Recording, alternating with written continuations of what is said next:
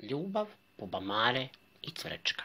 Jednoga dana, kako se polako hladna zima približavala, jedna je bubamara shvatila da mora nešto da poduzme. Pa sama sebi reče, svi su otišli negdje, a zima samo što nije stigla. Ja ne bih da ostanem sama, jer hladno vrijeme nije dobro za nikoga. Pa bubamara uzme svoj mobitel i počne zvati sve brojeve koje je imala u njemu, ali nitko se nije htio javiti, pa sebi reče bubamara. Zbog čega mi se nitko ne želi da javi? I tad je počelo odmah nešto šuškati. Bubamara se počela okretati na sve strane kad je to čula, pa nakon toga ugasio se mobitel i Bubamara od žalosti što mobitel se ugasio, sruši se i padne u nesvijest. Nakon pet minuta je došla k sebi jer je počelo nešto da cvrči.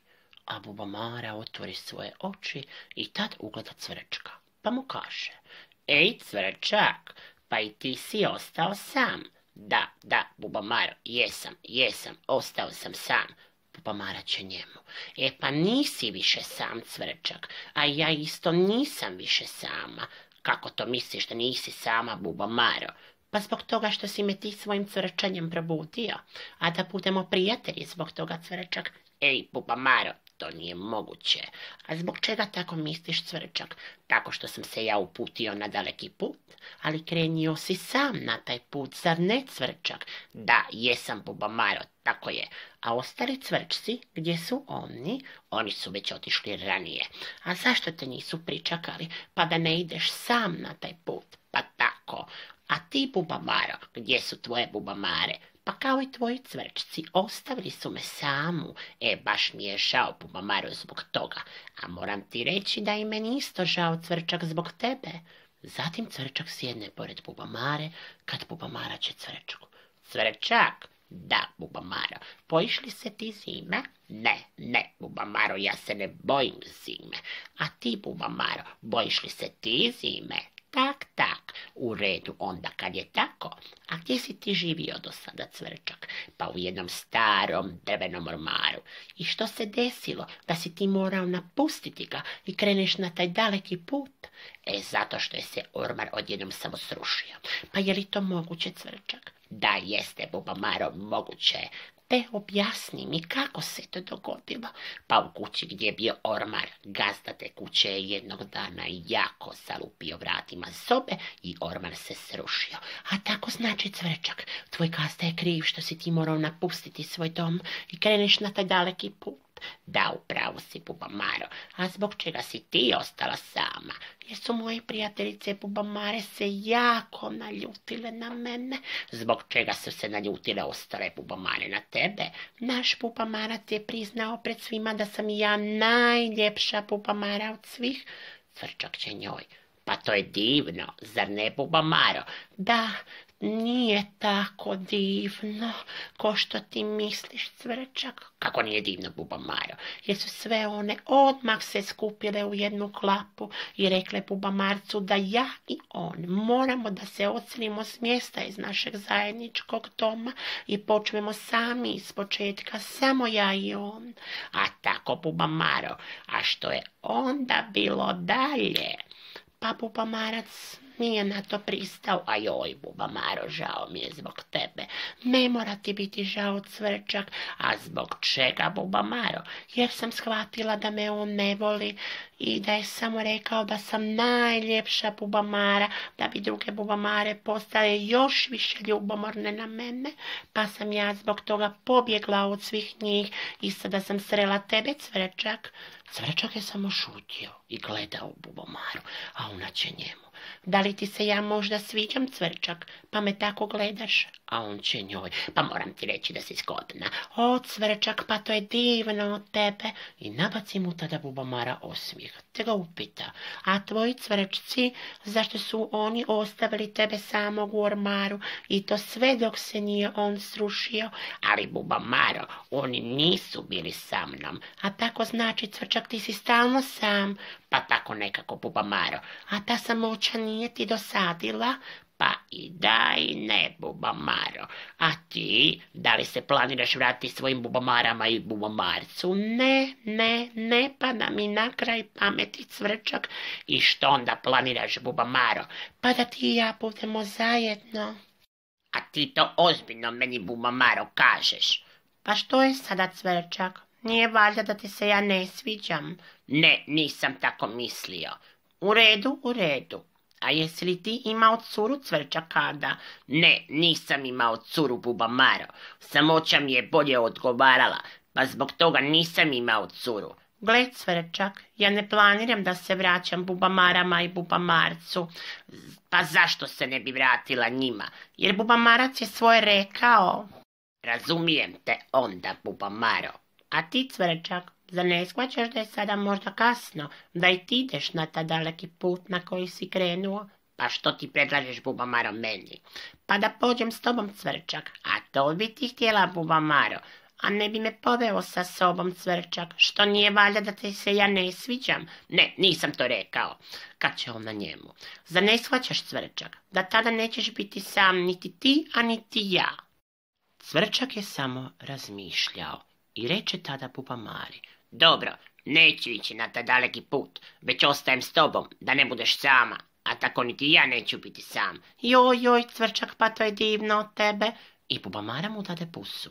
Ta cvrčak se sav zacrveni, a bubamara će njemu. Ej ti, što si tako crven? Nije valjda da nisi nikad dobio poljubac od nikoga.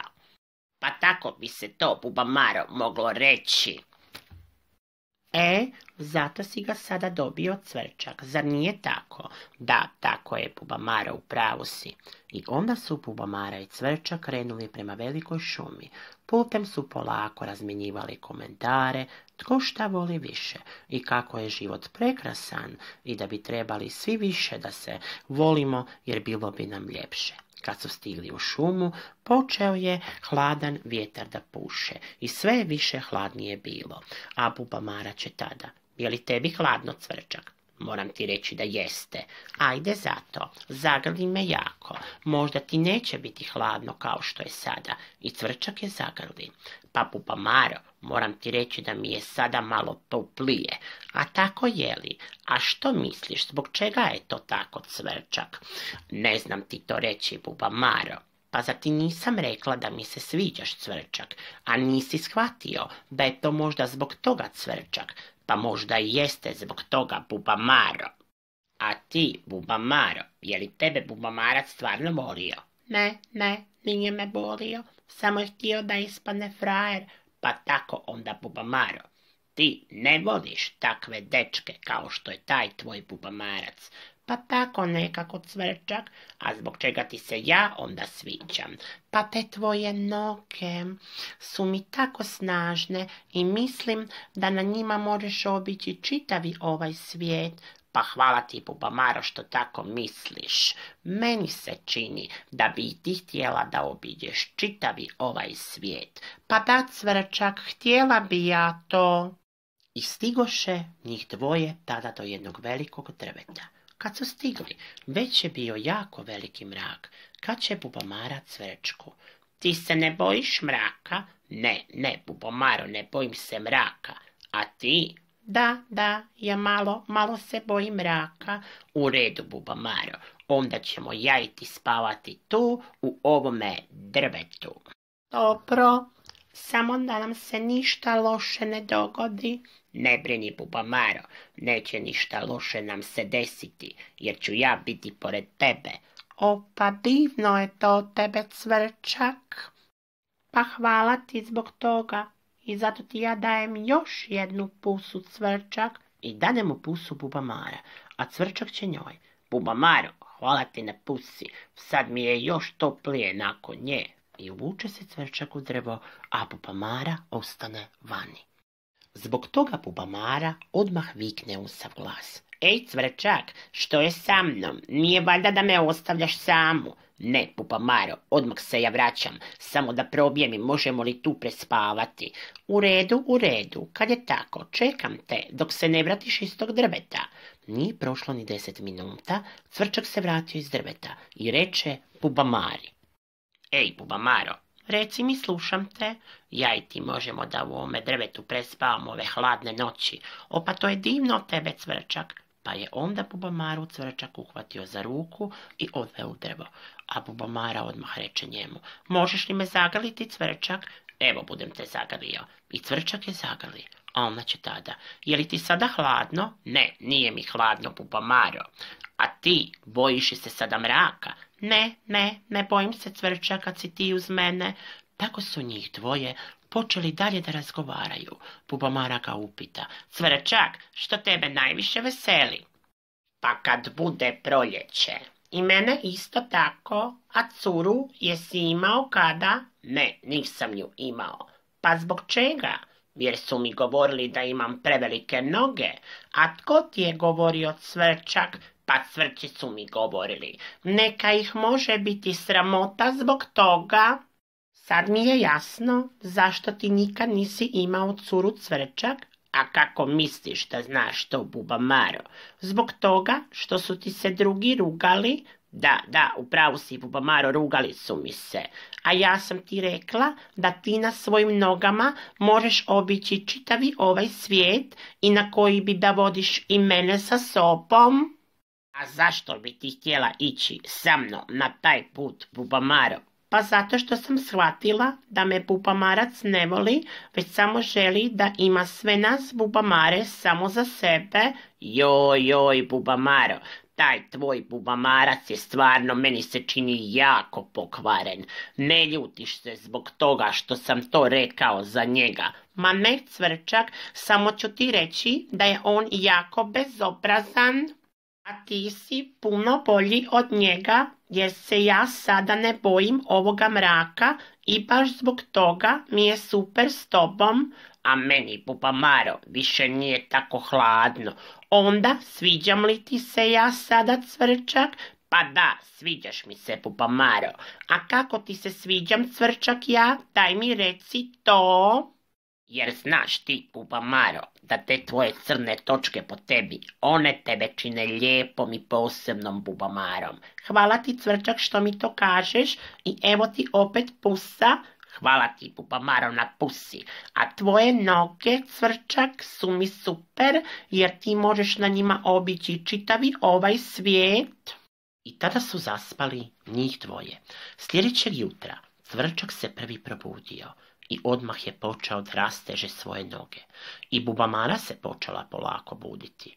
I kad je vidjela te njegove noge, reče mu odmah. Pa cvrčak, ti to vježbaš svako jutro, jeli? Ne, Bubamaro, ja ne vježbam, samo se rastežem. U redu cvrčak, želim ti dobro jutro. Hvala i tebi Bubamaro, dobro jutro od mene. A kako si spavala? Bilo mi je super spavati i nisam se plašila mraka, a tebi cvrčak kako je bilo spavati? Lijepo mi je bilo, a i ne više tako hladno, bubamaro. I što planiraš, cvrčak, danas ti? Ja planiram da ja i ti ostanemo ovdje sve do proljeća. Pa ti se šališ, cvrčak? Ne, ne šalim se. Ozbiljno ti kažem, a i ne ide mi se više na taj daleki put, Bubamaro. Pa ti si preko noći promijenio svoje mišljenje, cvrčak. Da, da, upravu si, Bubamaro. Promijenio sam mišljenje i ostajem tu u drvetu do proljeća. A što je sa mnom? Pa možeš ostati tu u drvetu, ali pazi se da te bubamarac ne bi tražio da mu se vraćaš natrag.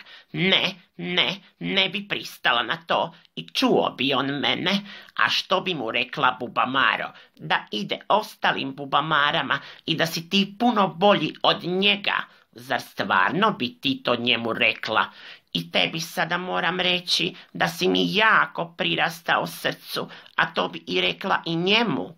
Cvrčak je samo gledao u bubamaru, pa reče, kad je tako, ostani sa mnom u drvetu bubamaro i nemoj se više bojati niti mraka, niti ove hladne zime i ne brini, neću te gnjaviti da se vratiš svom bubamarcu. Super, hvala ti puno na tome, a takvi kao ti postoje samo u pričama. Kad je cvrčak čuo te pupamarine riječi, te da je on njoj kao neka osoba iz neke priče, Odmah joj je poljubac dao, a Bubamara i njemu pa se onda njih dvoje dogovoriše da ostanu tu u tome drvetu cijele zime, pa možda budu i više od prijatelja, a neće više biti sami kao što su bili na početku priče. Cvrčku više neće biti hladno, a bubamari ni jedna zimska noć neće biti tako mračna, jer cvrčak će biti pored nje svake noći sve do novog